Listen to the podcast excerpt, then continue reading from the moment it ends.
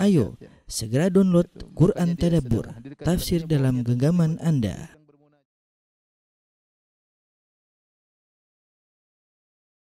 Bismillahirrahmanirrahim. Assalamualaikum warahmatullahi wabarakatuh. Alhamdulillahi ala ihsanih wa syukru lahu ala taufiqihi wa amtinanih wa asyhadu an la ilaha illallah wahdahu la syarika lahu ta'ziman li sya'nih wa asyhadu anna Muhammadan abduhu wa rasuluhu da'ala ridwani Allahumma salli alaihi wa ala alihi wa ashabi wa ikhwani. Para ikhwan dan akhwat yang dirahmati Allah Subhanahu wa taala, para dokter yang dirahmati oleh Allah Subhanahu wa taala, insyaallah pada kesempatan yang berbahagia ini kita biiznillah melanjutkan bahasan kita dari hadis-hadis Al-Arba'in An-Nawawiyah yaitu 42 hadis yang berisi uh, tentang kesimpulan daripada agama ini yang disebut dengan jawami ul kalim itu hadis-hadis yang singkat tetapi maknanya padat. Pada kesempatan kali ini kita akan bahas hadis yang kelima uh, dari Ummul Mukminin Aisyah radhiyallahu taala uh, anha bahwasanya Nabi SAW bersabda Man ahdatsa fi amrina hadza ma laysa minhu fa huwa rad. Barang siapa yang mengadang-adakan dalam agama ini suatu perkara yang bukan dari agama maka tertolak. Dalam riwayat yang lain, riwayat Sahih Muslim, Nabi SAW bersabda, "Man amila amalan laisa alaihi amruna fa huwa rad."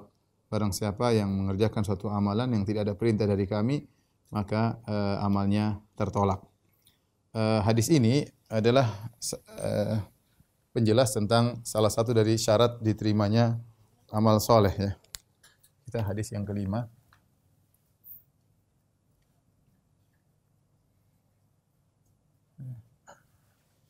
Uh, syarat diterimanya amal dua syarat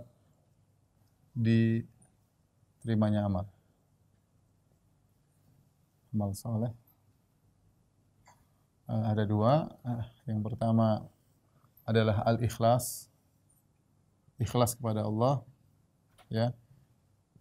Tidak mencari pujian, sanjungan dan pengakuan, ya, ikhlas kepada Allah. Dan ini dalilnya apa? Dalilnya hadis pertama, innamal a'malu binniyat.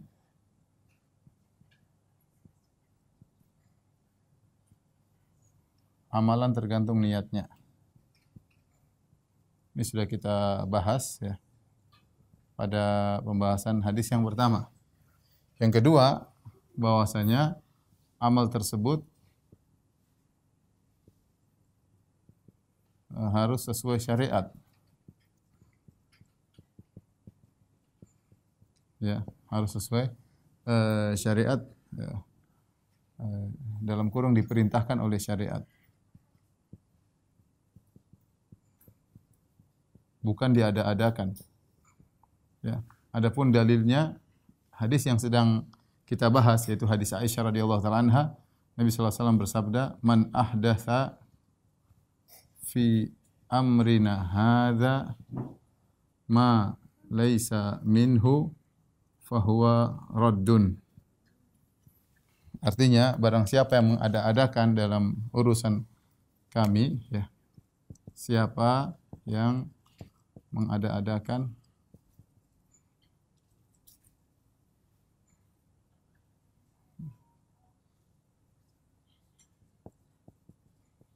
Mengada-adakan eh, pada urusan kami yaitu agama ya.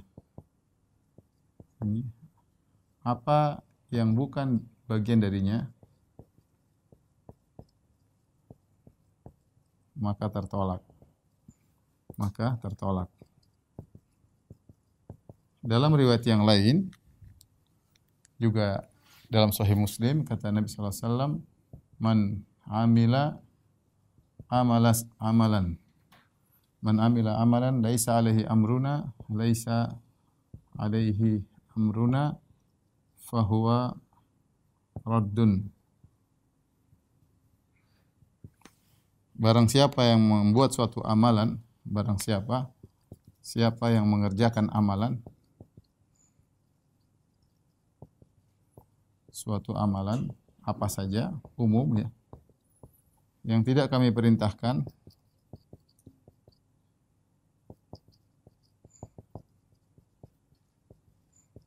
perintahkan maka tertolak maka tertolak. Uh, inilah hadis-hadis yang menjadikan barometer uh, amalan diterima. Ya. Kalau yang syarat pertama, jadi amalan diterimanya amal soleh, ikhlas berkaitan dengan zahir, uh, berkaitan dengan batin. Batin. Adapun amal tersebut sesuai dengan syariat ini berkaitan dengan zahir. Ya. Berkaitan dengan zahir. Berkaitan dengan zahir ya. Dan semakna dengan hadis ini banyak ya. Yang semakna dengan hadis ini ya. Yang semakna dengan hadis ini di antaranya karena Nabi sallallahu alaihi wasallam yakhtubu fil mimbar ya yaitu karena Nabi sallallahu alaihi wasallam ya yaqulu fi khutbatihi Karena Nabi wasallam yaqulu fi khutbatihi uh, bahwasanya Nabi sallallahu alaihi wasallam berkata uh, dalam khutbahnya fa inna asdaqal hadithi kitabullah wa khairul huda Muhammadin sallallahu alaihi wasallam wa syarrul umuri muhdatsatuha wa kullu bid'atin dhalalah dalam lafal hadis yang lain adalah Nabi SAW berkata dalam khutbahnya. Kalau Nabi SAW berkhutbah, dia selalu buka dengan lafal ini. Fa inna asdaqal hadithi kitabullah. Sebaik-baik perkataan adalah firman Allah Subhanahu wa taala, Al-Qur'an. Wa khairul huda huda Muhammad. Sebaik-baik petunjuk adalah petunjuk Rasulullah sallallahu alaihi wasallam. Wa syarrul umuri muhdatsatuha. Sebaik seburuk-buruk urusan dalam agama adalah perkara-perkara yang baru. Wa kullu bid'atin dhalalah dan seluruh bid'ah adalah sesat. Ya. Demikian juga dalam hadis yang nanti akan kita bahas pada hadis belakangan, tapi kita singgung sekarang hadis Irbad bin Sariyah yang Nabi SAW bersabda dalam hadis yang panjang di antaranya, fa innahu may ya'ish minkum فسيرى اختلافا فسيرى اختلافا كثيرا. فعليكم بسنتي وسنة الخلفاء الراشدين من بعدي. كمولين وإياكم ومحدثات الأمور addu 'alaiha bin nawajid kemudian kata Nabi sallallahu alaihi wasallam wa iyyakum wal muhdatsa wa muhdatsatil umur.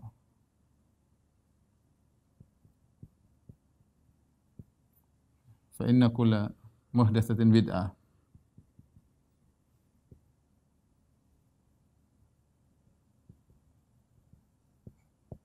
Wa kullu bid'atin dhalalah kullu finnar kata Nabi sallallahu alaihi wasallam barang siapa yang hidup di antara kalian setelahku dia akan melihat banyak perselisihan, itu perselisihan dalam masalah agama.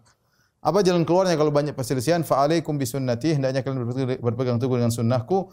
Wa sunnatil khulafa'ir rasyidin. Berpegang teguh dengan sunnah para sahabat khulafa'ir rasyidin yang setelahku. Addu 'alaiha bin nawajid, gigitlah dengan geraham kalian. Wa iyyakum muhdatsatil umur, hati-hatilah kalian dengan perkara-perkara baru dalam agama. Fa inna kulla muhdatsatin bid'ah, setiap perkara baru dalam agama adalah bid'ah, wa kulla bid'atin dhalalah, setiap bid'ah adalah sesat, wa kulla dhalalatin finnar, setiap kesalahan di neraka jahanam. Nah, inilah uh, dua barometer ya tentang diterimanya amal soleh. Jadi kalau amal soleh, seorang mengerjakan amal soleh sesuai dengan sunnah, tapi tidak ikhlas, maka tidak diterima oleh Allah Subhanahu wa taala. Sebaliknya barang siapa mengerjakan amal soleh, kemudian ikhlas, tapi tidak sesuai dengan syariat, sama juga tidak diterima oleh Allah Subhanahu wa taala. Seandainya ada seorang salat duhur lima rakaat, ikhlas lima rakaat, tidak diterima. Kenapa? Karena yang diperintahkan oleh syariat adalah sholat empat rakaat sholat duhur, bukan lima rakaat. Kalau sholat lima rakaat meskipun ikhlas tidak di, diterima. Misalnya seorang ingin berkorban, dia ikhlas, maka dia berkorbannya bukan kambing, bukan onta, bukan sapi. Kata dia, saya ingin berkorban lebih daripada itu. Saya ingin korban kuda. Ya. Kita bilang, meskipun dia ikhlas, tidak diterima. Kenapa? Karena namanya hewan korban cuma tiga, kambing, sapi, Onta kalau dia korban kuda ya tidak diterima oleh Allah Subhanahu wa taala sebagai hewan hewan uh, korban ya. Karena inilah uh, syarat diterima amal soleh harus ikhlas, harus sesuai dengan uh, syariat, harus sesuai dengan syariat. Makanya ketika Nabi SAW uh, beribadah, ya Nabi menyuruh mengikuti syariat seperti Rasulullah SAW ketika salat Rasulullah SAW berkata, "Sallu kama ra'aitumuni usalli." Ya. Contoh ya. Jadi Karenanya ya. Sini kalau kita boleh tulis karenanya Nabi menyuruh ibadah sesuai dengan yang dia beliau contohkan, sesuai dengan yang beliau contohkan. Contoh dalam solat Nabi SAW bersabda, Sallu kamaru aitumun usalli. Sallu kama ro'ai tumuni usalli. Salatlah kalian sebagaimana aku salat. Dalam haji kata Nabi SAW, khudhu anni, kata Nabi SAW, khudhu anni mana sikakum ambillah dariku tata cara manasik haji kalian. Haji dan umroh kalian. Jadi Nabi beri contoh agar kita tidak mengada-ngadakan dalam beribadah. Makanya Rasulullah SAW beri uh, beri contoh. Contoh solat bagaimana, contoh zakat bagaimana, contoh haji bagaimana agar semua orang mengikuti Nabi SAW. Ya, laqad kana lakum fi Rasulillah uswatun hasanah. Sungguh pada diri Nabi SAW ada contoh yang terbaik. Maka tidak perlu kita bikin contoh-contoh baru atau hal-hal baru yang menyelisih uh, syariat. Tolong dihapus.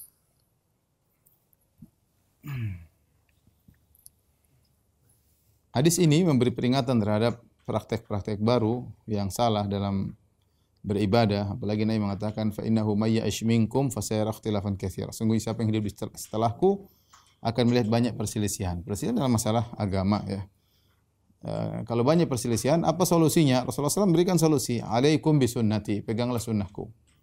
Wa sunnatil khulafair rasyidin. Dan sunnah para khulafair rasyidin. Sunnah para salaf, para sahabat.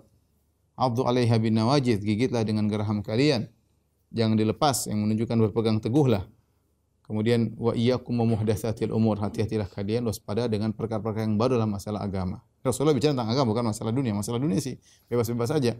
Kata Nabi, antum a'lamu bi umuri dunyakum. Kalian lebih tahu tentang urusan dunia kalian.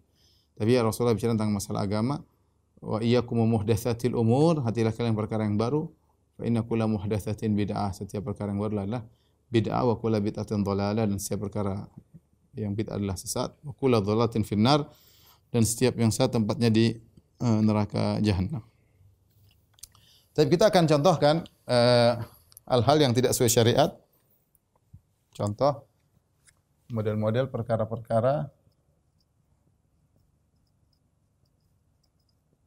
yang tidak sesuai syariat.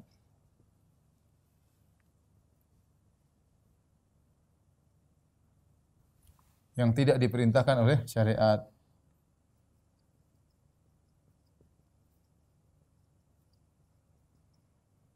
laisa alaihi amruna ya. Mungkin kita bisa bagi dua dalam perkara ibadat, dalam perkara muamalat ya atau adat. Al ibadat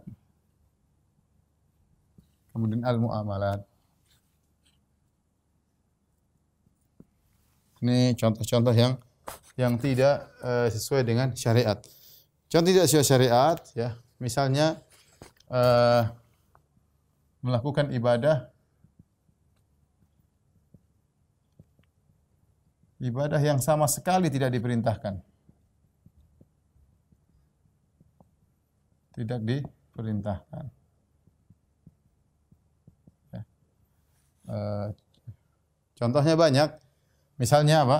E, seperti Nabi SAW mendapati seorang beribadah dengan bernadar berjemur di bawah matahari. Contoh ya. Apa? beribadah dengan menjemur diri di bawah matahari. Ini Rasulullah SAW tidak pernah uh, sama sekali nggak ada ibadah model seperti ini.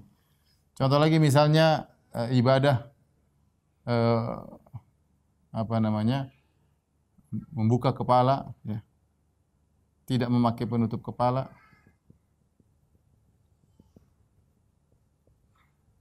tutup kepala di di luar haji dan umrah. Dia beribadah dengan tidak menutup kepala. Enggak ada dalilnya seperti ini. Enggak ada namanya. Enggak ada ibadah kalau buka kepala dapat pahala, tutup kepala enggak dapat pahala, enggak ada. Contoh seperti disebut oleh Ibnu Rajab Al-Hambali, misalnya beribadah dengan ibadah dengan memainkan alat musik. Alat musik. Atau ibadah dengan joget-joget. Dengan rocks, yaitu joget-joget. Subhanallah. Saya dulu berpikir apa namanya? Enggak ada orang ibadah joget-joget ya. Alat musik dari dulu sudah ada. Alat musik dari dulu ada namanya nada dan dakwah dan yang lainnya. Dan ini adalah tasyabbuh dengan orang-orang Nasara. Padahal kita tahu bahwasanya alat-alat musik hukumnya adalah haram dengan ijma para ulama. Tapi sekarang dijadikan ibadah ya. Yang lebih parah zaman sekarang ibadah dengan joget. Sebagian orang sufi dan di YouTube banyak sekali orang joget-joget bersolawat sambil joget-joget, sambil joget-joget, macam-macam. Aduh, mengerikan deh. Ini tidak ada contohnya dari Nabi Shallallahu Alaihi Wasallam. Ya. Kalau dulu Nabi ibadahnya joget-joget gitu, jadi bahan tertawaan sama Abu Jahal dan Abu Lahab ya.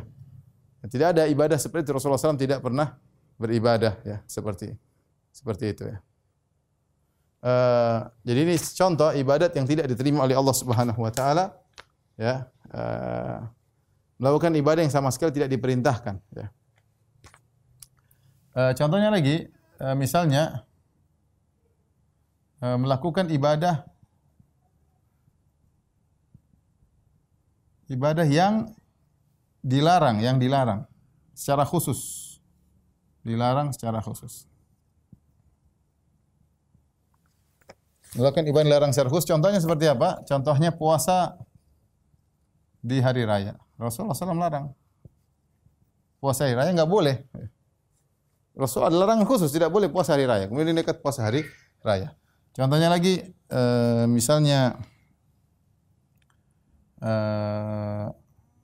sholat di waktu terlarang, nekat. Ya. Rasulullah SAW mengatakan, La sholata ba'dal asri hatta taghiba syamsu, wa la sholata ba'dal fajri hatta tartafi'a syams. Tidak ada solat setelah asar sampai terbenam matahari dan tidak ada solat sejak solat subuh sampai terbit matahari. Kemudian dia nekat solat sunnah.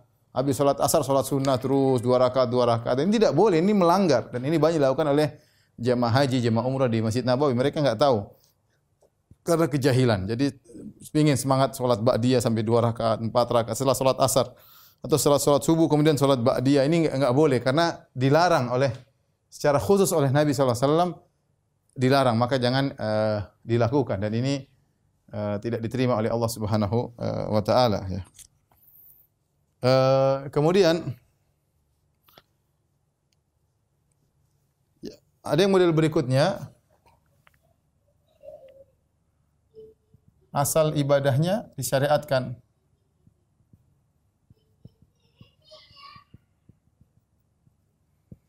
tapi ada pelanggaran.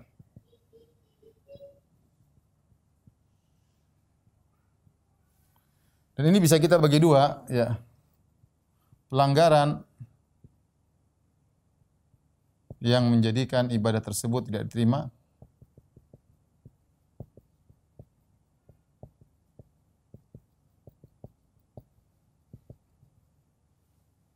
ada pelanggaran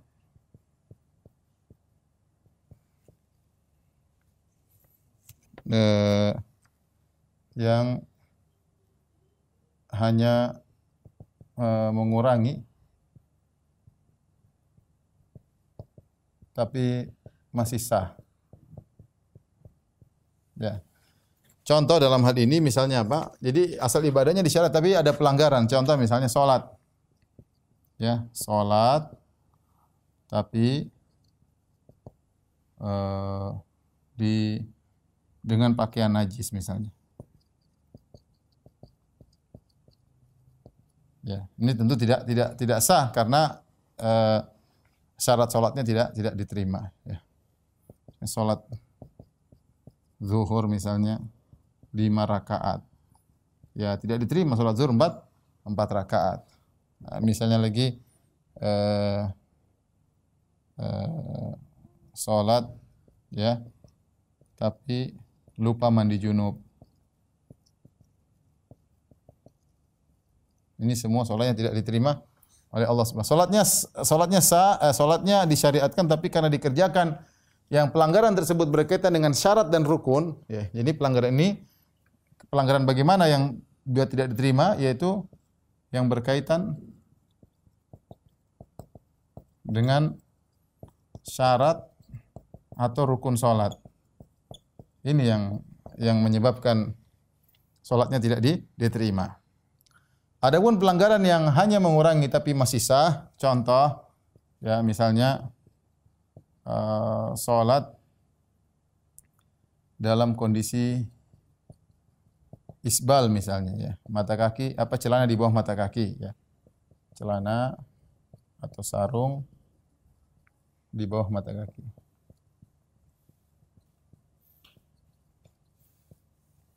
Uh, contoh misalnya eh, salat eh, salat tidak tidak berjamaah di masjid di masjid tanpa uzur ya. Sebagian ulama mengatakan bahwasanya salat di masjid hukumnya wajib. Ada khilaf ya. Salat berjamaah di masjid bagi laki-laki hukumnya wajib atau sunnah ada khilaf. Sebagian ulama mengatakan wajib, sebagian ulama mengatakan sunnah muakkadah yang ditekankan. Bagi yang mengatakan salat berjamaah di masjid wajib, kemudian dia salat di rumah, tanpa uzur ya, tanpa uzur maka solatnya tetap sah tapi tidak dicontohkan oleh Nabi sallallahu alaihi wasallam. Ya. Tanpa uzur. Ya. Ini contoh misalnya ya. Uh, asal ibadah disyarat tapi ada uh, pelanggaran ya. Ada pelanggaran. Kemudian yang berikutnya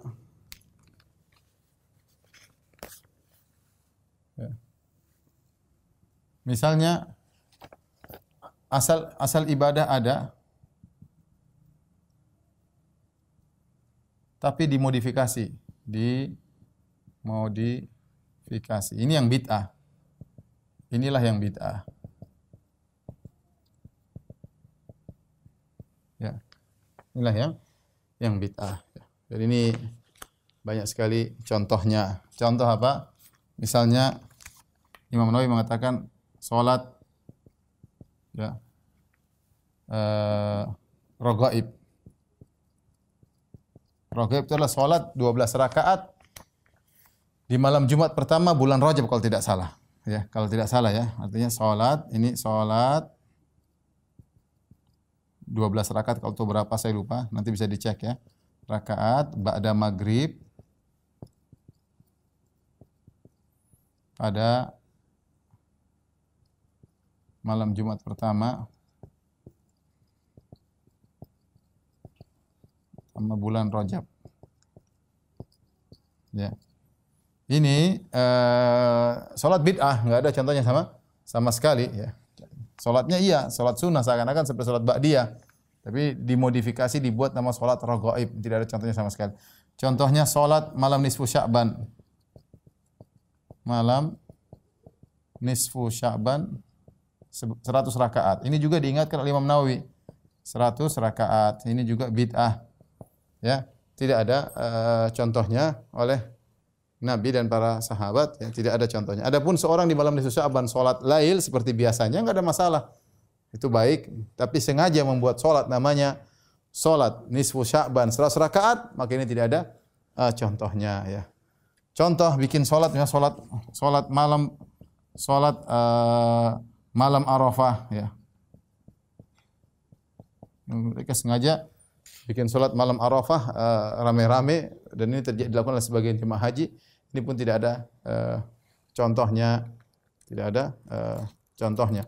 Dan ini bahasanya tentu sangat sangat banyak berkaitan dengan sholat, berkaitan dengan uh, zikir. Nanti insya Allah kita akan bahas pada kalau tidak salah hadis ke-28. Kita akan bahas secara panjang lebar. Tapi sementara saya ingin menyampaikan secara sekilas aja ya. Ini akan kita tunda pembahasannya.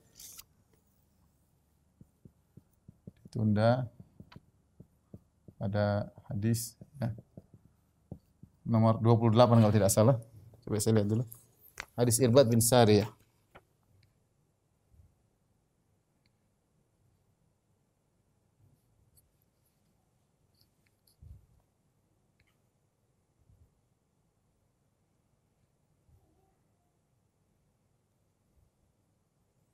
Ya, hadis uh, 28. Benar hadis 28. Taib. Yang berikutnya berkaitan dengan muamalat.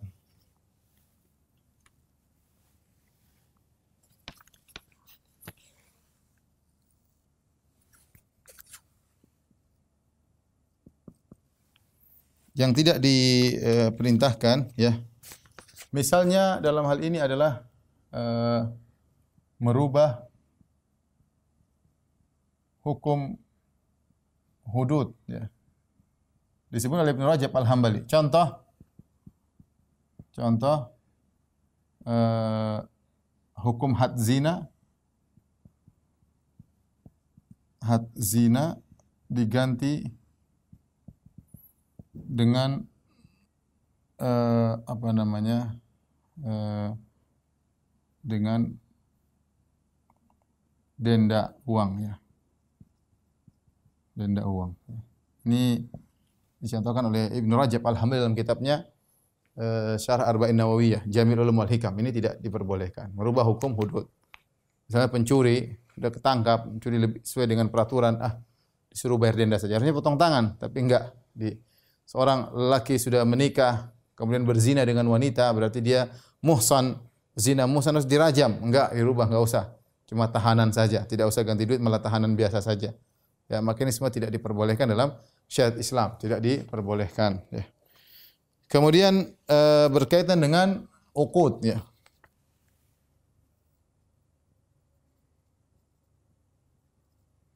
Dengan akad-akad akad-akad atau transaksi-transaksi.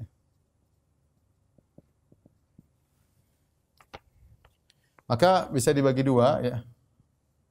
Jika berkaitan pelanggaran tersebut berkaitan dengan hak Allah.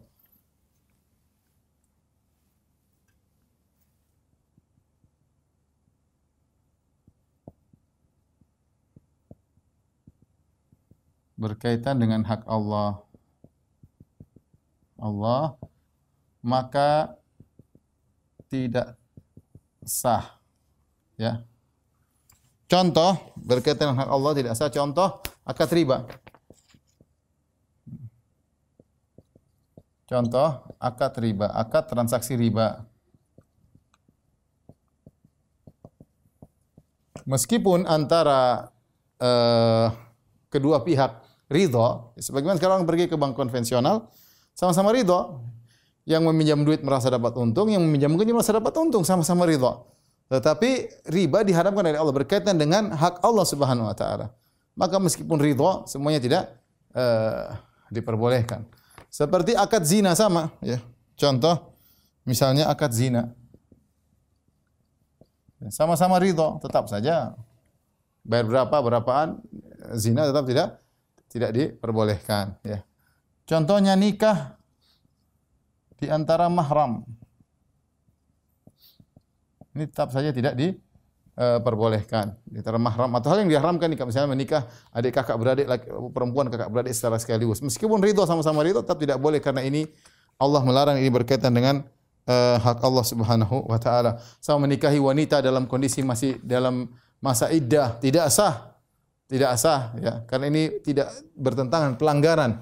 Ya model-model pelanggaran tidak sesuai dengan syariat. Ini berkaitan dengan hak Allah. Allah melarang. Tidak boleh menikah wanita di masa di masa iddah ya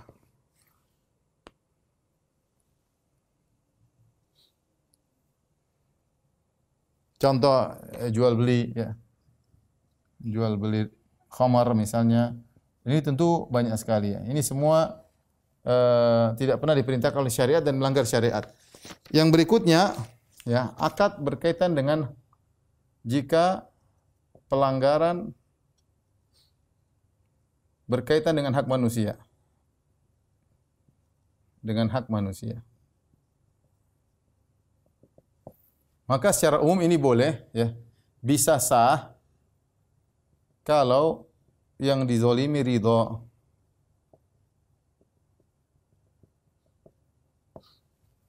Contoh, misalnya eh, contoh bai'un najas ya, an-najas, an-najas. An-najas itu adalah seorang dua orang seorang berjualan, kemudian satu provokator, temannya sendiri. Oh ini barang bagus, ini barang murah. Ternyata dia enggak, dia sudah kerja sama dia pura-pura beli sehingga orang yang di sekitarnya terpengaruh disangka itu barang mewah, ikut beli. Ternyata setelah pulang sadar ternyata ini barang barang tidak benar, tidak sesuai dengan yang dikatakan sama orang-orang ketika itu. Maka bagaimana hukumnya? Kata para ulama, hukumnya kalau yang dizolimi merasa ridho, sah. Kalau enggak sah, kalau tidak ridho, maka batal. Karena dia tidak berkaitan dengan hak Allah secara langsung. Dia paling utama berkaitan dengan hak manusia. Karena dia dizolimi. Ini contoh. Bai'un najas. Jadi caranya gimana? Kata Rasulullah SAW, La najasu. Jangan kalian melakukan najas. Itu seorang uh, beli, ya, jual barang, kemudian ada yang memprovokasi. Seakan-akan barang ini mahal, seakan barang mewah. Dan termasuk najas kalau zaman sekarang, iklan-iklan yang bohong. Iklan yang bohong. Misalnya kasih uh, testimoni, padahal bohong misalnya. Oh ini begini gini. Ada oh, rambut saya setelah pakai sampo ini rambut saya menjadi menjadi uh, terurai hitam dan indah mengkilat dan macam-macam. Padahal bohong, padahal dia perawatan di salon misalnya. Ini cuma bohong-bohongan. Ini enggak boleh, ini termasuk najas. Seandainya seorang beli ternyata tidak sesuai dengan apa yang dikatakan, dia boleh kembalikan, dia boleh batalkan. Nah, dia boleh batalkan. Contohnya lagi bayul musarrat, ini bayul najas ya. Ada namanya bai'ul musarrat. Apa bai'ul musarrat? Musarrat itu bai'ul musarrat itu adalah uh,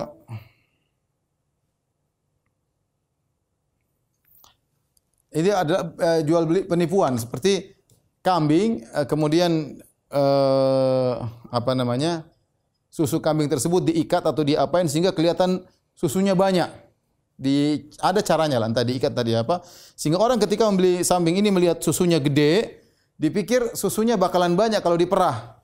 Ternyata ditipu. Ditipu. Ya ketika kalau diperah ternyata sedikit maka ini adalah kebohongan. Kebohongan maka ini jual beli yang tidak boleh karena ada tadlis ada penipuan ada gish. Ya maka eh, boleh dia kembalikan. Boleh kalau dia ridho tidak apa-apa. Contoh seperti orang jual sapi sapinya diisi dengan dengan selang diisi air banyak ya. Jadi kalau ditimbang berat, timbang berat, harusnya sapinya 900 kilo jadi 1100 air 200 liter diisi dalam badannya. Dan itu dilakukan oleh sebagian orang. Eh, dibeli sama orang ditimbang satu ton misalnya 100 liter 100 kilo ternyata dari air yang dimasukin dipaksa oleh sapi tersebut. Setelah disembelih ternyata dagingnya penuh dengan air, dia merasa tertipu. Ya. Apa yang dilakukan? Maka dia berhak untuk membatalkan karena dia ditipu. Tetapi apakah bisa sah? Jawabannya boleh sah kalau dia ridho atau dia datang kepada orangnya kamu nipu saya, saya minta ganti rugi. Kalau dia kasih ganti rugi dan dia ridho, sah. Lain halnya dengan riba, kalau riba tidak boleh sah meskipun sama-sama ridho, enggak ada sah. Ya. Karena ini transaksi yang diharamkan berkaitan dengan hak Allah Subhanahu wa taala. Itu contoh ya. Uh, sama seperti uh, talaki rukban. Talaki Rasulullah SAW melarang talaki rukban itu apa? Ada orang orang dari produsen dari kampung, dia ingin pergi ke pasar, dicegat sama orang di tengah jalan. Dia tidak tahu harga ini, dibeli sama orang. Dibeli sama orang. Uh, beli jadi lebih murah. Ternyata ketika dia turun ke pasar di kota, dia tahu ternyata dia kebohong.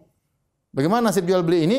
Dia boleh uh, mengadu dan uh, minta ganti rugi. Kalau dia ridho dengan ganti rugi tersebut, maka jual belinya sah karena berkaitan dengan hak orang ya, berkaitan dengan hak hak orang ya. Taib.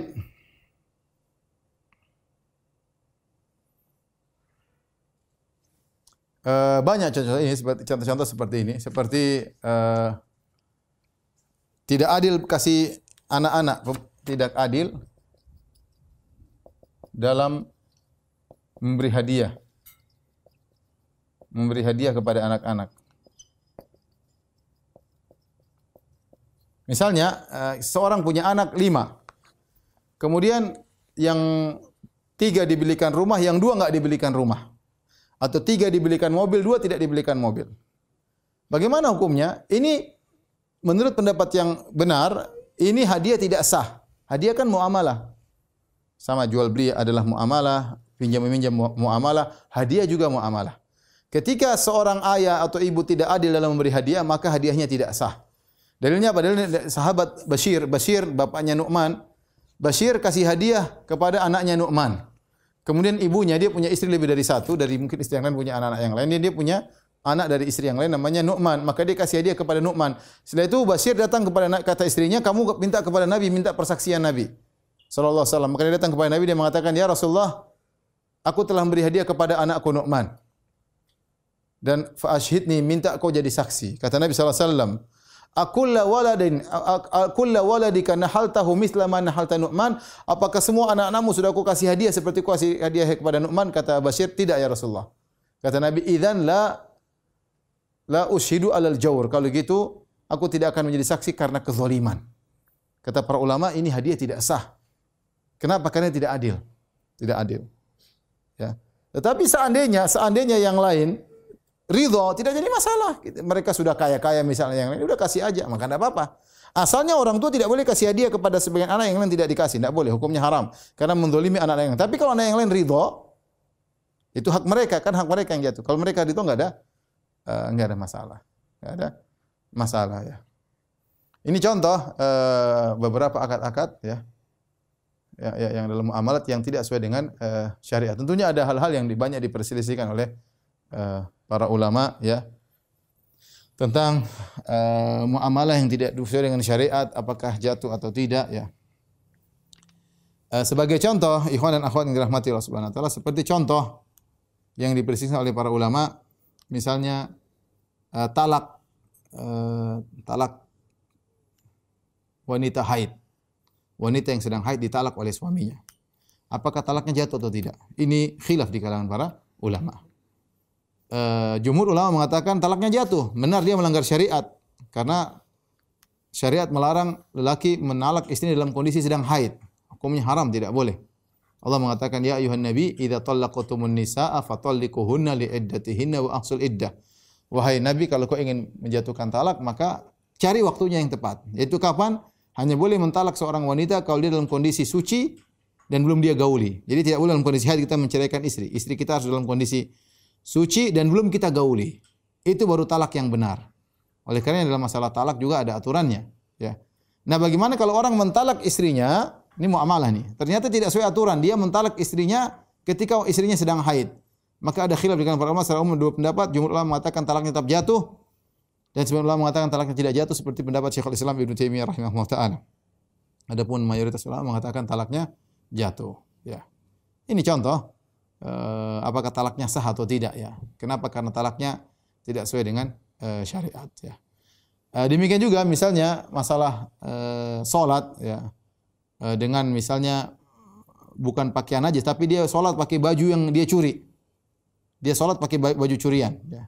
Bagaimana hukumnya? Apakah solatnya sah atau tidak? Khilaf di kalangan para ulama. Sama seorang berwudu dengan air curian. Apakah wudunya sah atau tidak? Khilaf di kalangan para ulama. Contoh seorang solat di tanah rampasan, dia rampas tanah orang kemudian dia solat di situ. Sah tidak solatnya ada khilaf di kalangan para ulama. Intinya ini semua kembali kepada uh, seorang melakukan perkara yang tidak diperintahkan oleh Allah Subhanahu wa taala, ya. Demikian para dokter yang rahmati Allah Subhanahu wa taala, ya pembahasan kita pada hadis yang nomor 5. Adapun masalah mengenai bid'ah secara detail macam-macam bid'ah insyaallah kita tunda Mudah-mudahan kalau dimuliakan Allah pada hadis nomor 28 karena itu butuh pembahasan yang pembahasan yang sangat panjang. Wallahu taala alam bisawab. Demikian saja yang saya sampaikan kurang lebih saya mohon maaf. Wabillahi taufiq wal hidayah. Assalamualaikum warahmatullahi wabarakatuh.